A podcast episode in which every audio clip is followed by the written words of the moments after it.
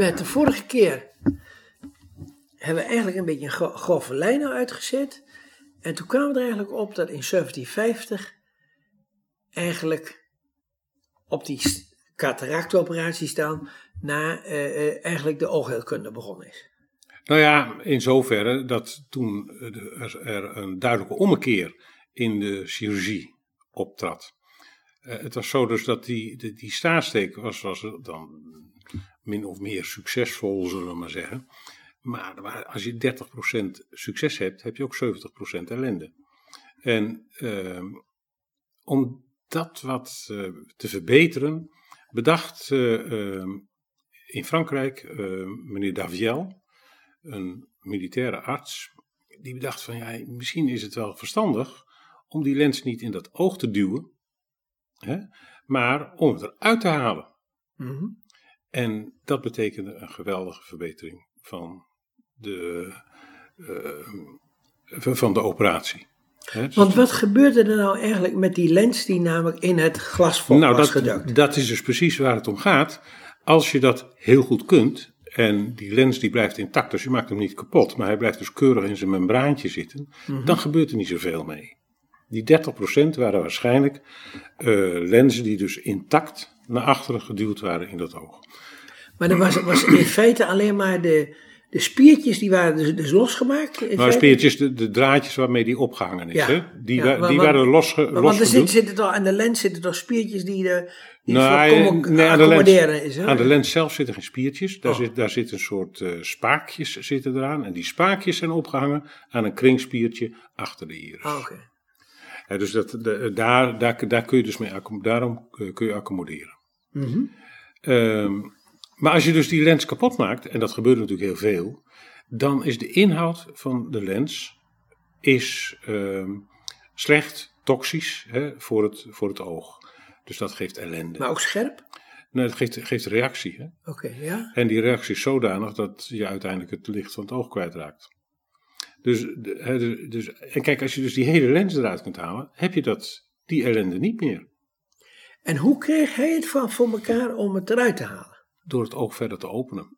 Als je met een dolkje alleen in dat oog prikt en die lens naar achteren duwt, Mhm. dan heb je maar één klein gaatje nodig. Ja? Maar als jij die lens eruit wil halen, kijk, die lens die is ook een eh, 9, 10 mm. Ja. Eh, dan heb je een nou, ja, centimeter grote opening nodig, op zijn minst. Mhm. En eh, dus moest hij het oog openen. Er werd altijd geopereerd aan de zittende patiënt. Patiënten eh voor oogingrepen lagen niet, maar die zaten. Ja. En wat hij deed was aan de onderkant een snede maken en eh, de lens losmaken hè, door, door manipulatie. En dan proberen, ja, om het maar eens heel eh, kras te zeggen, die lens uit dat oog te schudden. En omdat die patiënt zat, werkte de zwaartekracht mee. Ja, ja, ja. ja. Dat was een, eh, betekent een gigantische verbetering. Maar eh, eh, ha- had je dan niet het probleem van infecties en dat soort dingen? Ja, dat bleef. En kijk, die, die, eh, eh, dat zal ongetwijfeld ook veel opgetreden zijn. Men had nog niet echt een, een goed idee van antisepsis, eh, antisepsis en dat soort zaken en hygiëne. Eh, dus dat speelde in die eeuw nog helemaal geen rol. Ehm, kijk, die, die, die 18e eeuw, dat was op zich, ehm, ja, de, de eeuw zelf, daar gebeurde eigenlijk niet zo heel vreselijk veel. Ja, die Daviel voor ogenkunde was natuurlijk heel belangrijk. Een ander eh, ehm, eh, anekdote, die, die, die moet ik toch ook even vertellen, die zich afspeelde in diezelfde tijd. De staarstekers, dus de chirurgijns, de barbiers, die, Mhm. die dus de, de oogoperaties eigenlijk deden, dat deden ze op eh, markten. Eh, want ja, als je 30% succes hebt, ik zei het net al, dan heb je 70% ellende. Dan is het verstandig als je uit de buurt bent, als die mensen doorkrijgen dat het mislukt is. Zoals je nu op de markt je, je ogen kunt Ja. laten meten. Kun Ja, je, kun je ze toe laten opereren, ja. Dus er trokken hier door Europa staarstekers rond. ja, ja. En een daarvan was een zeer illustre figuur. Die noemde zichzelf Chevalier, dus ridder.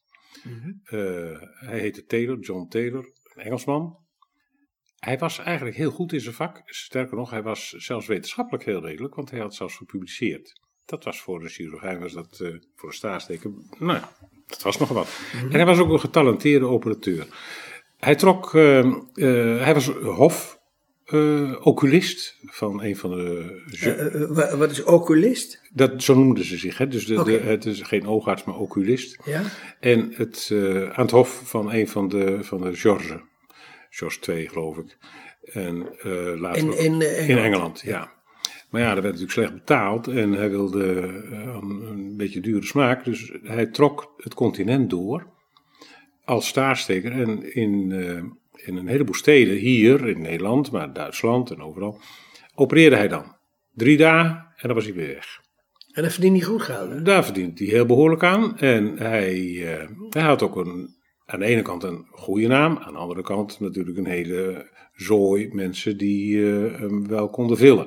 Mhm. En ehm, hij heeft in 1750 in Leipzig heeft hij Bach geopereerd. Johann het Sebastian. beroem- beroemde Bach. Ja? Ja, die was natuurlijk toen ook al heel beroemd. En hij opereerde hem en dat mislukt. Beide kanten.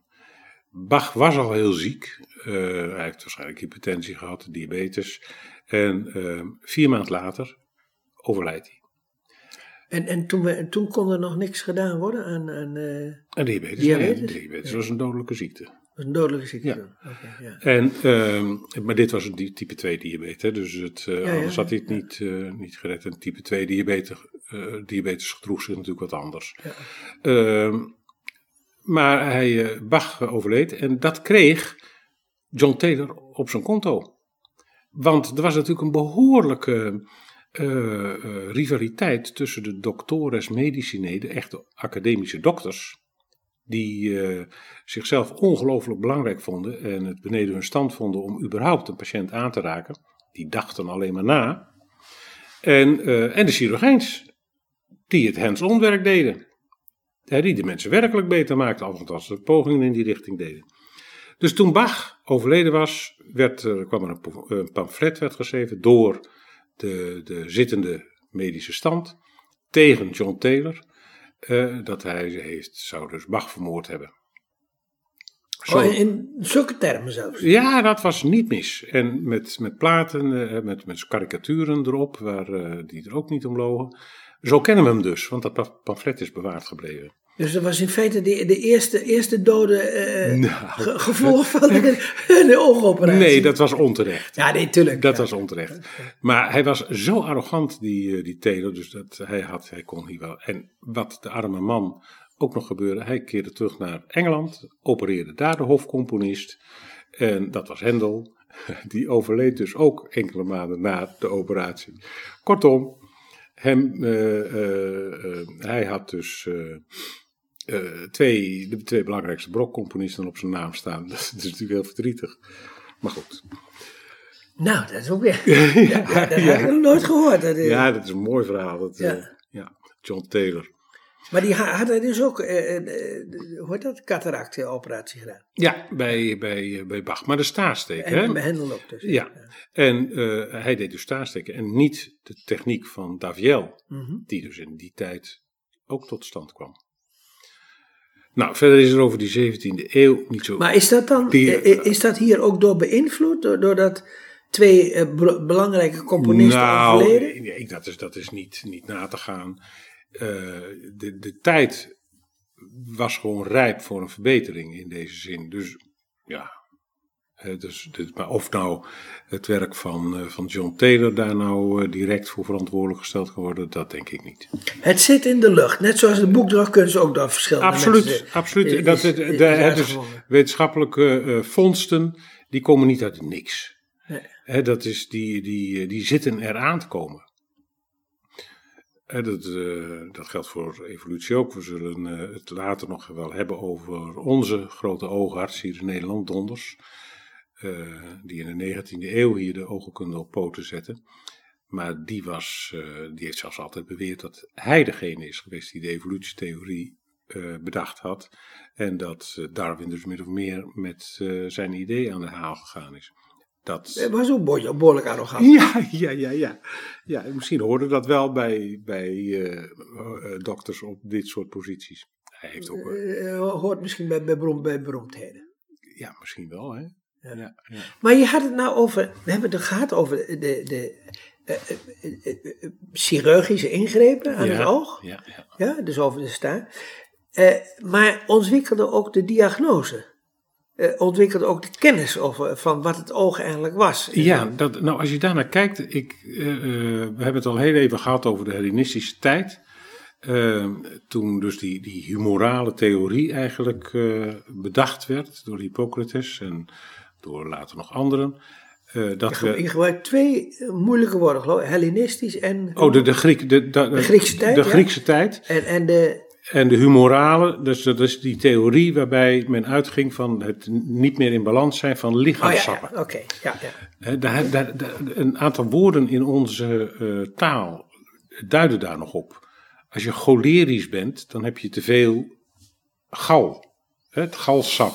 Oké. En als je melancholiek bent, heb je te veel, dat weet ik niet precies meer, maar hè, dus dat, dat zijn nog termen die, uit, die terug te voeren zijn op die humorale, de, dus die levenssappentheorie, die lichaamssappentheorie. Is, is daar de psychiatrie uit ontstaan?